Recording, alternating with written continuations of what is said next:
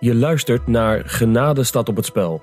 Een podcast van geloofsterusting door dominee Gert van den Brink en Marcel Vroegop.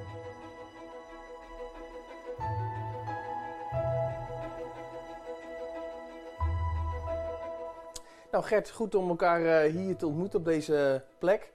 Eh, ik noem je Gert omdat we elkaar eh, al heel lang kennen. En we hebben ook afgesproken dat we elkaar tutoyeren. Dus, Prima, mooi. Dank daarvoor ook. Ehm, we gaan een, een, serie doen van, een, van, van, stellingen die ik je wil voorleggen. En ik ben benieuwd naar je reactie erop. En die, die serie gaat over het Arminianisme. Ehm, maar ik dacht voordat we aan die stellingen gaan beginnen, is misschien goed dat je even iets toelicht van ja, wat is Arminianisme nou eigenlijk precies? Ja, ja dat is belangrijk. Ehm, de naam van de belangrijkste man is uh, Arminius. Hij heette eigenlijk Harmens, maar hij maakte dat in het Latijn tot Arminius. Hij leefde ongeveer in het jaar 1600. Hij was predikant in Amsterdam, hij is professor geweest in Leiden. En hij had opvattingen die, die kritisch waren ten opzichte van Calvijn en Beza en eigenlijk heel veel gereformeerde theologie van zijn tijd. Hij had er moeite mee. Toen hij overleden is, had je een, een groep volgelingen van hem, de Arminianen of ook wel de remonstranten. Want die mensen die schreven wat dan heet een remonstrantie. Dus die hebben in vijf artikelen uiteengezet wat hun mening was over een aantal belangrijke punten. En dat heet dan de remonstrantie. Het eerste ging over de uitverkiezing. Het tweede ging over de betekenis en de kracht van de dood van Jezus. Het derde artikel ging over de genade. Vierde ging over de wedergeboorte. En de vijfde ging over volharding en zekerheid. Dus de vijf artikelen van de remonstranten. Nou, daar is een enorme discussie over gekomen. En heel de kerk van die tijd was erbij betrokken. Het werd een politiek conflict. En toen is er een synode geweest. De Dordtse synode, de beroemde synode van Dordrecht 1618, 1619. Waar internationaal ook mensen naartoe kwamen.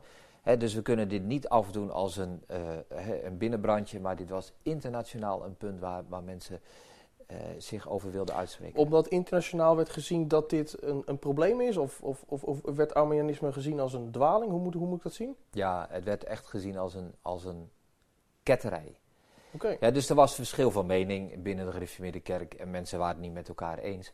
Maar dit ging een grens over. Hè, voor de gereformeerde theologen, die zeiden als je dit toestaat, hè, dat is, ja, dan ben je de leer zaligheid kwijt. Dus hè, het ging wel echt ergens over. Dat mensen zeiden, een bekende uitspraak van Gomarus, dat hij zei, met deze leer van Arminius zou ik voor de troon van God niet durven verschijnen.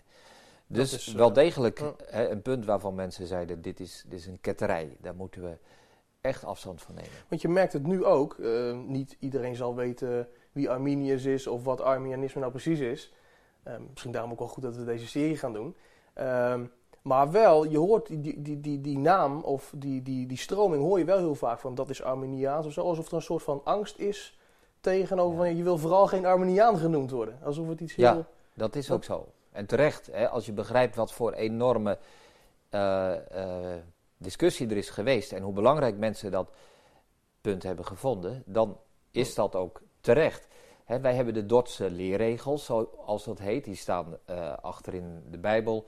Een van de beleidenisgeschriften van de gereformeerde kerken in Nederland, van welke, welk kerkgenootschap dan ook.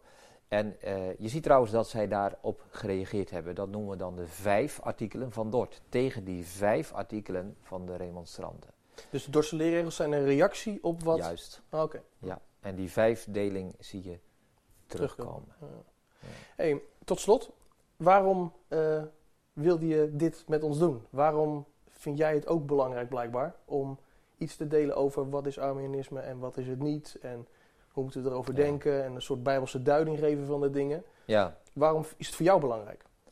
Nou kijk, als je, hè, je, je kunt natuurlijk wel uit angst voor Arminianisme uh, dingen afwijzen, maar je kunt daar ook in doorschieten. En juist als het zo'n beladen term is, moet je er ook voorzichtig mee zijn.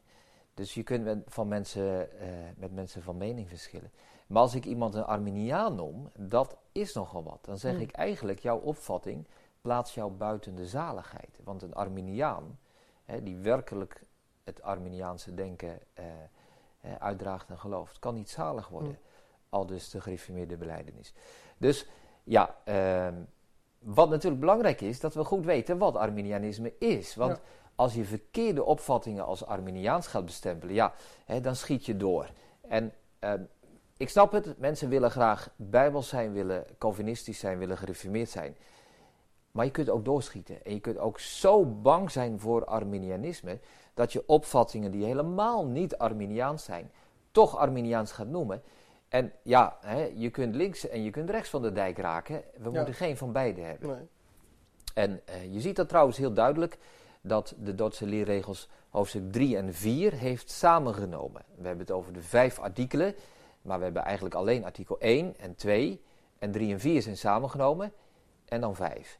En waarom hebben ze dat gedaan? Wel, als je dat ene hoofdstuk over de genade, het derde artikel van de remonstranten, op zichzelf neemt, zeiden ze ja, hier zijn we het mee eens. Maar als je dat samenneemt met de leer van de wedergeboorte, Hmm. dan gaat het mis.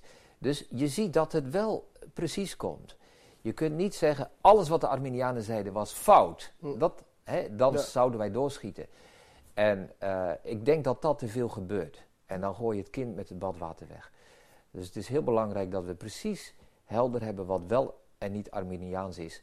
Omdat anders zo'n term hè, gaat functioneren als een plakplaatje waar je mensen mee zou kunnen afschrijven. En waar je dus ook je eigen geloofsleven, hè, je eigen opvatting en je eigen zicht op het evangelie zou kwijtraken. Omdat je denkt, ja, dit mag ik niet zeggen, want het is Arminiaans, Ja. terwijl het Bijbels is. Ja, ja. Dus dat is mijn motief. Ja, nee, maar dat lijkt me een, een, een- ook een goede inleiding op eh, nou, een hele reeks stellingen die eh, ik voor me heb liggen, die ik je in volgende video's eh, voor wil leggen. Je luisterde naar een podcast van Geloofsterusting. Wil je meer luisteren, lezen of bekijken? Steun dan onze missie en ga naar de website geloofsterusting.nl.